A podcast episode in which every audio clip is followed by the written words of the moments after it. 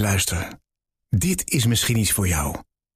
Denkproducties presenteert jouw snelste bijspijkerdag van het jaar. MBA in één dag met Ben Tigelaar. Ben praat je bij over leiderschap, organisatie, strategie en verandering in één dag. MBA in één dag met Ben Tigelaar. Schrijf je in voor 1 januari en krijg een tweede ticket voor de halve prijs. Zet je podcast even op pauze en ga naar denkproducties.nl. Goedemorgen, dit is de Week van Energia op vrijdag 23 februari. Ik ben Ilse Akkermans en bij mij in de studio is Hans van der Lucht, redacteur van Energia. Welkom Hans. Goedemorgen Ilse. We hebben het deze week over de waterstofmarkt. De organisatie High Exchange onderzoekt de mogelijkheden voor een toekomstige waterstofbeurs. Die krijgt eigenschappen van zowel de elektriciteitsmarkt als de gasmarkt. Een index voor de kosten van waterstof, HighClicks, moet op die nieuwe beurs een rol gaan spelen. Wat er allemaal nodig is wil zo'n waterstofmarkt er komen, vertelt Hans zo meteen. Maar eerst kijk ik weer met hoofdredacteur Wouter Hielkema naar ander nieuws van deze week. En ook Wouter is in de studio bij ons. Goedemorgen Wouter. Goedemorgen Ilse. Welke onderwerpen sprongen voor jou uit in het energienieuws van deze week? Nou, laten we beginnen met netbeheerder Tennet. Die kondigde drie nieuwe hoogspanningsverbindingen aan. Vooral nodig om de elektriciteit van windparken op zee beter kwijt te kunnen. En samen met het ministerie van Economische Zaken wordt er nu gekeken welke tracés daar het meest geschikt voor zijn. Nog een ander waterstofproject, High2 Infra. Uh, wil ik het toch ook even over gaan hebben, ondanks dat we het straks met Hans uitgebreider over waterstof gaan hebben. High2 Infra is opgezet door zeven EU-landen, goedgekeurd als project van gemeenschappelijk Europees belang. En daarmee is de weg vrij om voor nationale overheden om uh, subsidie te verlenen. In totaal 6,9 miljard aan staatssteun. En terminal-exploitant Vopak zit namens Nederland in dit project. En dan tot slot, twee Nederlandse start-ups, Carbion en Recarbon, hebben een contract getekend met de Canadese projectontwikkelaar Deep Sky. En zij houden zich bezig met het filteren van CO2 uit de lucht. In Canada gaan ze demo-installaties bouwen om afgevangen CO2 op te slaan in de ondergrond. We beginnen met het landelijke hoogspanningsnet. Tennet wil dit op drie plaatsen uitbreiden om het hoofd te kunnen bieden aan de toegenomen vraag. Vooral door de toename van elektriciteit van windparken op zee. Wouter, het gaat om het 380 kV-net, de hoogspanningssnelwegen van Tennet. De organisatie onderzoekt nu met het ministerie welke tracés het meest geschikt zijn. Op welke drie plaatsen in het land moet die uitbreiding er komen? Ja, dat zijn uh, ten eerste uh, tussen de stations Vier Verlaten, dat is bij Groningen Stad, en Ens in de Noordoostpolder. Vervolgens moet er vanaf Ens een extra verbinding komen naar Diemen, nabij Amsterdam. Um, dat is ter aanvulling van de bestaande 380 kV-verbinding langs de A6. En uh, tot slot moet er nog een nieuwe hoogspanningsverbinding komen tussen station Geertruidenberg en Krimpen aan den IJssel of eventueel Kraaienstein bij Dordrecht. Dat laatste is nodig om Zuidwest-Nederland wat beter te ontsluiten. En die eerste twee die ik, uh, die ik noemde, die zijn vooral nodig om de Randstad beter aan te sluiten op de windenergie die in Eemshaven in Groningen aan land komt er worden een aantal windparken uh, um, verwacht boven, um, boven de Waddeneilanden. Die zullen daar aanlanden. Um, het is allemaal wel toekomstmuziek, maar dat gaat wel gebeuren. En dit soort verbindingen, dat is, dat is natuurlijk ook toekomstmuziek. Dat duurt jaren en jaren voordat die er zijn. Mm -hmm. maar Eemshaven is sowieso een enorm energieknooppunt. Hè. Daar komt een kabel met Noorwegen aan. Daar staan een aantal uh, kolen- en gascentrales. dus dat is, uh, ja, daar, daar komt behoorlijk veel stroom vandaan. Wat door heel Nederland gebruikt moet worden. En daarom deze nieuwe verbindingen. Al die drie benodigde eh, hoogspanningsverbindingen die staan al in het meerjarenprogramma Infrastructuur, Energie en Klimaat, het MIEK. Wat betekent dat? Ja, hadden we het vorige week ook uit, uitgebreid over, hè, over het MIEK. Mm um, eigenlijk betekent dat gewoon dat projecten die hierin worden opgenomen, die kunnen voorrang krijgen. Daar kunnen netbeheerders kunnen met voorrang uh, die investeringsplannen realiseren. Dus het is een manier om het prioriteit te geven. Ja, ja, nu wordt dus onderzocht welke tracés het meest geschikt zijn. Wat, wat speelt daarbij allemaal een rol?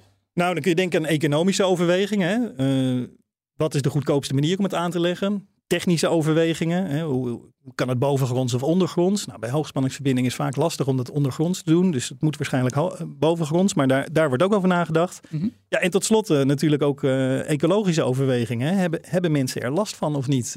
hoe kan die het beste komen? Waar, waar doorsnijden we het landschap? Um, dat, soort, dat soort dingen.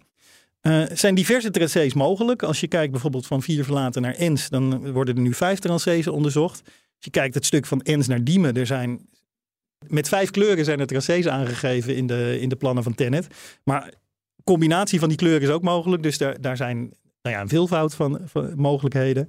Vanuit Geertruidenberg zijn er tien tracés. Dus er, er liggen heel veel mogelijkheden. Dat, uh, en dat wordt nu onderzocht van ja, hoe, hoe kunnen we dat nou het goedkoopst, technisch het best en dat de mensen er het minst last van hebben. Is duidelijk wanneer die drie hoogspanningsverbindingen er komen? Nou, wat ik zeg, het is een project van jaren. Uh, meestal worden dit soort dingen tot aan de Raad van State aangevochten. Um, nu zitten we echt nog in de, in de, nou ja, de aankondigingsfase. Tenet en het ministerie van EZK roepen mensen op om mee te denken. Om op die manier draagvlak te creëren. Dat mensen nou ja, kunnen zeggen wat ze ervan vinden. En misschien als je dan iets aanpast, dat er dan meer draagvlak voor is. Mm -hmm. uh, maar het is een kwestie van jaren. Dan gaan we naar je tweede onderwerp. Een beetje een voorschot al op ons hoofdonderwerp over waterstof straks. De Europese Commissie heeft het internationale waterstofproject High2 Infra, opgezet door zeven EU-landen, goedgekeurd als project van gemeenschappelijk Europees belang. Nationale overheden kunnen daarmee 6,9 miljard euro aan staatssteun verlenen. Nederland zit in het project via FOPAC. Wouter, waar gaat het project High2 Infra over? Wat is het doel ervan?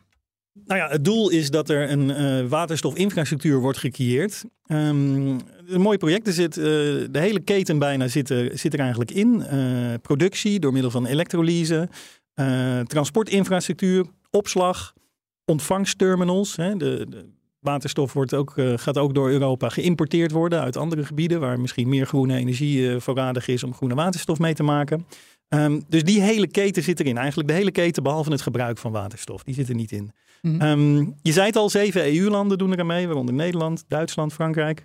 Um, 32 bedrijven werken aan in totaal 33 projecten, die allemaal onder die vlag van High to Infra vallen. Mm -hmm.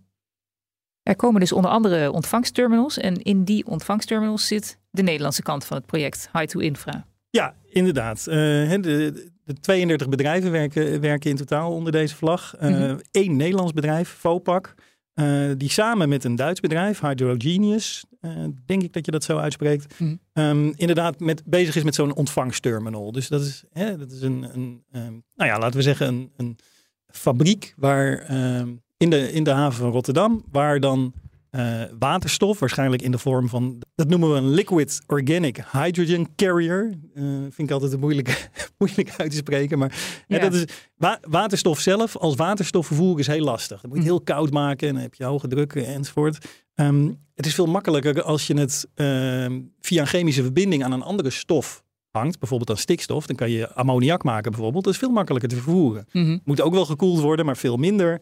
Um, het is wel, uh, het is wel een chemisch, er zit wat gevaar bij, maar bij waterstof ook. Um, maar goed, op die manier wordt daar een, wordt er in de Rotterdamse haven een ontvangsterminal gebouwd. Samen met Hydrogenius. Um, waar, dus, waar dus waterstof, groene waterstof door Europa geïmporteerd kan worden. Het project waar, waar FOPAC dus samen met Hydrogenius werkt, is Northern Green Crane gedoopt. En waar zijn die waterstofleveringen van Fopak en Hydrogenius nou voor bestemd? Nou, de helft van de leveringen is bedoeld voor de industrie in Rotterdam en uh, nou ja, uh, aanpalende industriegebieden, het achterland. Uh, en de andere helft vertrekt vanuit Rotterdam per binnenvaartschip via de Eems richting Lingen in Duitsland, waar Hydrogenius dan een, een, fabriek bouwt om die waterstofdrager die dan aangevoerd wordt, om daar weer gewoon dat weer te scheiden en daar weer pure waterstof van te maken. in totaal gaat het om ongeveer 8000 ton groene waterstof per jaar die, uh, die aangevoerd wordt, waar dus 4000 ton voor Nederland is en 4000 voor Duitsland. Um, overigens zijn nog geen definitieve investeringsbeslissingen genomen, maar de bedrijven hebben wel, zoals ze dat zelf noemen, al financieel commitment getoond. En hoe gaat Nederland dan profiteren van uh, de goedkeuring als project van gemeenschappelijk Europees belang? Nou, het, het, brengt de verwezenling van de plannen dichterbij. Hè. Waterstof, dat is inmiddels wel onomstreden, speelt een rol bij de, bij de energietransitie en bij de grondstoffentransitie. Mm -hmm. um, en door die erkenning uh, kan de Nederlandse staat nu subsidie geven aan dit project. Uh, zonder dat dat als ongeoorloofde staatssteun wordt aangemerkt. Dus uh, Europa heeft nu goedkeuring gegeven aan de Nederlandse staat om dit te subsidiëren. Om hoeveel geld dat gaat is trouwens onbekend. Dat, dat willen de bedrijven ook niet zeggen. Um, maar staatssteun moet dus komen van Nederland en Duitsland. Um, en die weg ligt nu vrij om vervolgens dus ja, de waterstofeconomie wat dichterbij te brengen. Fopak werkt dus samen met de Duitse Hydrogenius. En ik las dat er deze week nog een Nederlandse-Duitse samenwerking op het gebied van waterstof is aangekondigd. Namelijk tussen GasUnie en Storag. Ja, Dat klopt. Dat staat verder helemaal los van dit uh, high-to-infra uh, verhaal. Maar toch wel leuk om hier ook even te noemen. Gasunie, Gasunie en het Duitse bedrijf Storag Etzel willen gezamenlijk meerdere zoutcavernes in Noord-Duitsland gaan ontwikkelen. Om daar waterstoffen op te slaan. Mm -hmm. um, ze hebben al samen wat, wat demo-projecten lopen. En uh, ja, die opslagcavernes in Etzel, uh, die zijn volgens Gasunie zijn die strategisch heel goed gelegen. Je kan van daaruit zowel de Nederlandse markt als de Duitse markt uh, bedienen.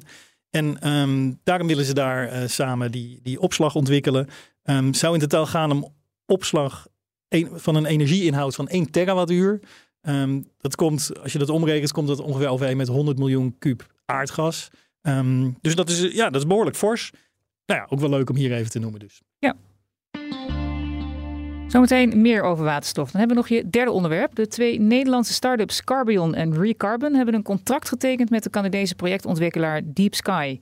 Ze filteren CO2 uit de lucht en gaan daarvoor demo-installaties bouwen in Canada. Hoe werkt dat, Wouter, het afvangen van CO2 uit de lucht? Um, nou, in dit geval hè, met direct air capture, dat is het technisch filteren van CO2 uit de atmosfeer. Een beetje zoals een boom dat doet eigenlijk. Mm. Tenminste, een, een, boom doet dat ook. Zo'n machine doet het natuurlijk op een hele andere manier dan een boom. Maar het is afgekeken bij. Uh, het is een beetje, beetje afgekeken bij een, bij een boom. Nou ja, wat ik zeg, de techniek is echt heel anders hoor. Maar uh, ja, er wordt CO2 gefilterd uit de lucht. Mm -hmm. dat, dat, is eigenlijk wat. Daar worden machines voor neergezet en die doen dat. En als je die CO2 vervolgens permanent opslaat, mm -hmm. um, ja, dan heb je negatieve CO2-emissies. Dan heb je CO2 ontrokken aan de atmosfeer en dat komt niet meer terug. Mm -hmm. um, nou ja, dat is, dat is uh, om in 2050 een uh, mondiaal CO2-neutrale economie te hebben, of, of, zelfs al in Europa een CO2-neutrale economie te hebben, is dat gewoon nodig. Dus uh, goed dat dat gebeurt. Dus het wordt, het wordt afgevangen uit de lucht. En wat gebeurt er dan mee? Dan wordt het opgeslagen. Nou, het, uh, er wordt een machine neergezet. Daar wordt lucht in aangezogen. Mm -hmm. Vervolgens zitten daar bepaalde filters in uh, met een bepaalde stof waar die CO2 zich aan bindt. Mm -hmm. uh, vervolgens wordt het door verhitting wordt het uit die filters gehaald. En dan, dan heb je die CO2 dus uit de atmosfeer gevangen. Mm -hmm. En als je dat dan vervolgens weet op te slaan, um, dan He, dan, dan, heb je, uh, CO2 dan heb je negatieve emissies, CO2 ontrokken aan de atmosfeer. Ja, en doen die twee start bedrijven doen die dat op dezelfde manier? Grosso modo wel. He, de, wat ik net zeg, de lucht wordt aangezogen, CO2 hecht zich in de machine aan een andere stof. Uh, de, beide bedrijven gebruiken wel verschillende stoffen hiervoor. Um, Carbion, voor wie het interessant vindt, gebruikt kaliumcarbonaat en Recarbon gebruikt amines. Um, en vervolgens moet het worden opgeslagen. En wat gaan ze nou in Canada precies doen? Uh, Carbon en Recarbon? Nou ja, uh, installaties bouwen, uh, opschalen, aantonen dat het werkt. Uh, dat, dat, dat, zijn, dat zijn echt wel de belangrijkste, belangrijkste onderdelen van wat ze willen doen. Carbon die wil 100 ton CO2 per jaar kunnen filteren. Recarbon 50 ton. Carbon gebruikt daarvoor twee installaties, Recarbon 1. dus zijn wel heel vergelijkbaar. Ja, is dat dan veel? Nou, nee, op zich niet. 100 ton is, is, is niet heel veel. Een gemiddelde kolencentrale stoot jaarlijks uh, zes megaton zo'n beetje uit. Laten we het zo zeggen. Dus dan is 100 ton is, uh, is daar een schijntje van. Um, maar het is wel een, een als dit lukt, uh, een bewijs dat die techniek werkt. Die twee bedrijven hebben dus een contract getekend met projectontwikkelaar Deep Sky. Wat is de rol van uh, Deep Sky hier? Die brengt partijen bij elkaar, uh, zorgt ook voor, voor, voor, deel voor de financiering. Mm -hmm. Wat wordt er eigenlijk verwacht van direct air capture in de strijd tegen klimaatverandering?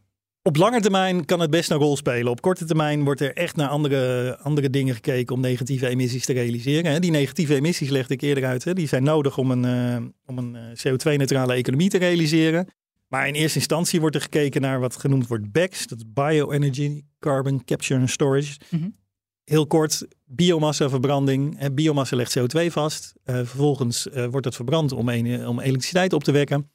Als je dan de CO2-uitstoot die daarbij gepaard gaat afvangt en opslaat, dan heb je netto heb je negatieve emissies. Mm -hmm. um, nou, is al wat op af te dingen. En biomassaverbranding, dat, daar wordt, uh, wordt erg tegen geageerd of dat nou wel of niet als, als CO2-neutraal gezien kan worden. Maar op die manier wordt er, wordt er op dit moment veel meer verwacht van, uh, van negatieve emissies. En direct air capture ja, is echt nog zo'n jonge techniek die nog, waar nog zoveel innovatie nodig is. En wat zich nog zo moet bewijzen dat dat mm. pas op de lange termijn een rol kan spelen. Dankjewel, Wouter. High Exchange onderzoekt de mogelijkheden voor een toekomstige waterstofbeurs. En die krijgt eigenschappen van zowel de elektriciteitsmarkt als de gasmarkt. Een index voor de kosten van waterstof, Clicks, moet op die nieuwe beurs een rol gaan spelen. Over wat er allemaal nodig is voor een waterstofmarkt praat ik met redacteur Hans van der Lucht. Ja, Hans, we horen al jaren over de plannen met waterstof. Het moet een grote rol gaan spelen in een duurzame energievoorziening. Maar ondertussen is er nog geen markt. Hoe kan dat eigenlijk? Uh, ja, er is geen. Uh, er wordt natuurlijk waterstof geproduceerd, maar dat is vooral voor of eigen gebruik door uh, oliemaatschappijen of een kunstmestproducent als Yara. of voor directe verkoop aan een klant. Maar er is geen open markt. er is geen, zoals de elektriciteitsprijs, de gasprijs, die allemaal op een beurs vastgesteld worden. Er is geen prijs voor waterstof op een open markt. Mm -hmm. het is alleen onderhandse verkoop direct tussen bedrijven. Um, en het is wel de bedoeling met uh, de hele ontwikkeling van de waterstofeconomie dat er zo'n open markt komt. Waterstof wordt gezien als de energiedrager van de toekomst. Dat moet vrijelijk voor iedereen uh, beschikbaar zijn. Overtollige elektriciteit moet in waterstof omgezet kunnen worden en, en de markt opgaan. Ehm, en uh, om die markt te bouwen, bouwt GasUnie zelfs uh, inmiddels een enorm waterstofnetwerk waar heel Nederland, uh, wat heel Nederland met elkaar moeten verbinden. Maar mhm. daar moet dus ook zo'n open markt bij komen met een waterstofprijs die voor iedereen inzichtelijk is. High Exchange onderzoekt nu de mogelijkheden voor een waterstofmarkt, maar wat is High Exchange eigenlijk? Ja, High Exchange is een initiatief van, van bedrijven, netbeheerders, die onderzoeken hoe zo'n markt er eigenlijk uit moet gaan zien. Waar moeten ze rekening mee houden? Uh, ze kijken naar de energiescenario's van de overheid, hè, hoeveel elektrolysecapaciteit er moet komen, uh, hoe, hoe, uh, hoeveel waterstof de industrie moet gaan gebruiken, groene waterstof de industrie moet gaan gebruiken, want dat zal de vraag bepalen. en de bouw van de windparken, waarmee de groene elektriciteit, waarmee groene waterstof moet worden geproduceerd. Al dat soort factoren nemen ze bij elkaar. En ze kijken hoe dan uh, zo'n markt zou kunnen bewegen. Allerlei simulatieprogramma's hebben ze daarvoor. Dat mhm. is wat er momenteel gebeurt. En zijn er al conclusies van, uh, van een onderzoek? Ja, er zijn uh, twee conclusies uitgebracht deze week. ten eerste natuurlijk, zo'n heel netwerk moet gebalanceerd zijn. Net als de gasleidingen, het elektriciteitsnet, dat moet, vraag en aanbod moet op elkaar zijn afgestemd. Mm Maar nu blijkt uit hun simulaties, het aanbod van waterstof zal vooral volatiel zijn.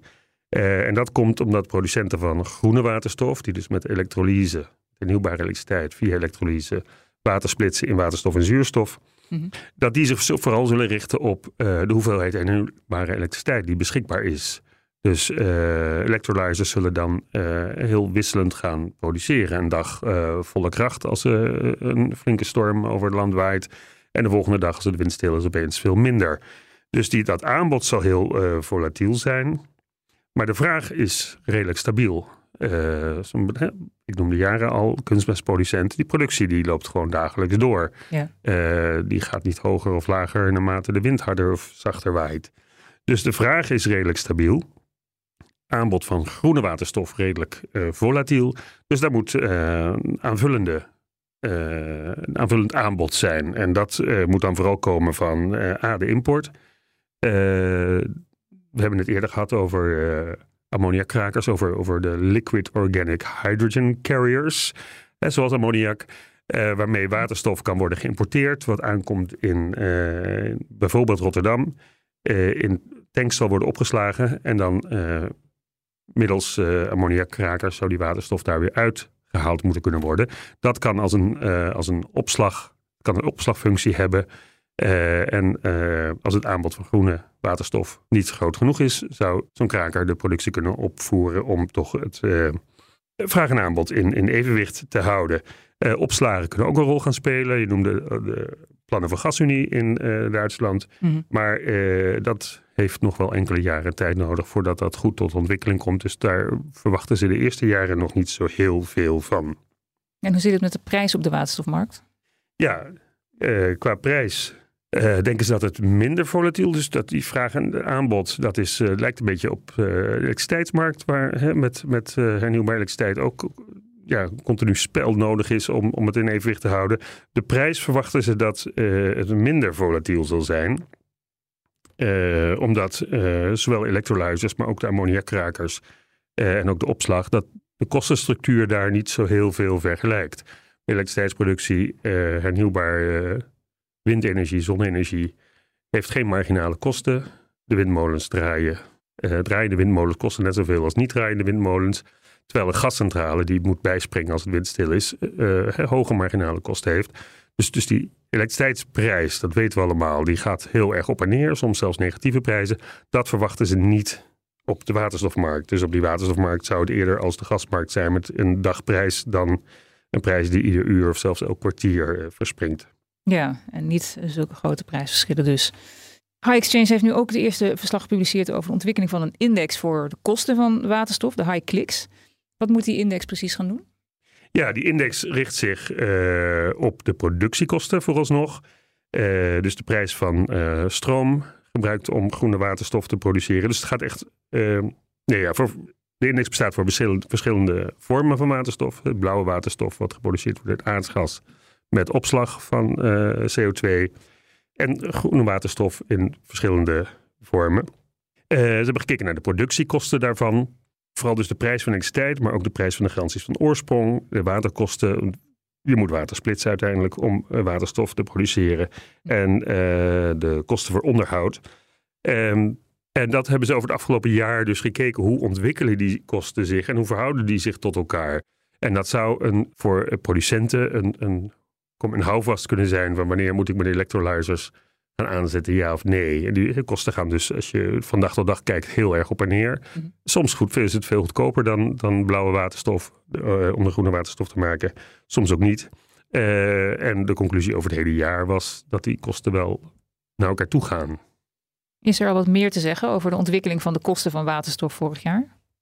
Um, ja, wat ik zeg, ze zijn, iets, ze zijn wat naar elkaar gegroeid. Dat was een beetje de conclusie. Mhm. En er zijn maanden in het jaar, uh, met name de zomer, uh, als er heel veel zonne-energie is. Mm De winter, als er heel veel windenergie is. Er zijn maanden in het jaar waarop die prijzen niet zo heel veel meer elkaar ontlopen. Hoe staat het er nu voor met waterstof in Nederland eigenlijk? Ja, dat is een minder florissant verhaal. Uh, we hebben van alles uh, besproken vandaag over uh, hoe die markt eruit moet gaan zien en wat we allemaal doen om die markt te faciliteren. Maar Nederland wil in 2030 4 gigawatt aan elektrolysecapaciteit hebben staan en daar is nog niets van gebouwd. Er is zelfs nog geen investeringsbeslissing genomen. Er lopen nu aanvraagrondes voor subsidie voor kleine elektrolyseprojecten in Nederland. Ook de Europese Unie heeft een aanvraagproces lopen waar binnenkort een uitslag komt. Maar uh, we wachten nog steeds op die investeringsbeslissingen. Dus, Shell heeft toch uh, investeringsbeslissing genomen? Ja, Shell heeft een grote elektrolyzer uh, in aanbouw. Ja. Maar dat is ook specifiek. die investeringsbeslissing hebben ze genomen omdat dat, die elektrolyzers gaan waterstof produceren voor het raffinageproces van Shell zelf. Dus ze hebben al de afname. Het is, ja, dat komt niet op de markt. Komt niet op de markt. Dat is gesloten beurs, gaat dat binnen het bedrijf. Duidelijk. dus dat is een iets ander verhaal dan hè, waterstof als energiedrager voor de hele samenleving. Ja. Ja, en ondertussen schreef de missionair minister Jette dat naar verwachting in Nederland geen grote hoeveelheden natuurlijke waterstof in de bodem zitten. Uh, daar beantwoordde die vragen mee van Kamerlid Silvio Erkens. Waarom wilde Erkens dit eigenlijk weten? Ja, eh, er is altijd vanuit gegaan dat waterstof eigenlijk alleen voorkomt in de natuur als bouwsteen. Uh, water bestaat voor de helft uit waterstof, hè. waterstof en zuurstof. we hebben het eerder gehad, planten halen waterstof en koolstof uit water en de lucht. Mm Verbinden dat koolwaterstoffen, hout, al ons eten, groenten, zijn koolwaterstoffen in feite. Dat uh, is in miljoenen jaren veranderd in olie en aardgas. Dat halen we uit de grond. Dat zijn allemaal koolwaterstoffen. Maar een, koolwater, een, waterstofbron is tot dusver niet gevonden. Maar uh, recent zijn er toch wel van dat soort ontdekkingen gedaan. in het zuiden van Europa ik weet even niet precies waar. Er zijn recent publicaties over geweest. Dat wordt witte waterstof genoemd inmiddels, naast alle blauwe, groene en grijze die we hebben. Mm -hmm. um, en ergens wilden dus weten, hoe staat het in Nederland? Ja, en ja, wat zei Jette verder over waterstof in Nederland? Nou ja, Jette kon daarop antwoorden dat uh, zowel uh, de geologische structuur eh, van de Nederlandse ondergrond... als ook alle boringen, de duizenden boringen die over de jaren heen uh, naar aardgas en aardolie in Nederland gedaan zijn... dat er nooit echt waterstofbronnen zijn aangeboord. Dus uh, dat we daar als Nederland uh, niet onze hoop op moeten zetten. En ook niet onze zorgen dus. Ook geen zorgen meer. Dankjewel Hans. Dit was de Week van Energia met de laatste ontwikkelingen in de Nederlandse energiesector. Op energia.nl lees je meer. Vond je het leuk om te luisteren? Dan doe je ons een groot plezier als je deze aflevering deelt in je netwerk of op sociale media met de hashtag Energia. Mijn naam is Ilse Akkermans. Fijn dat je luisterde en tot volgende week.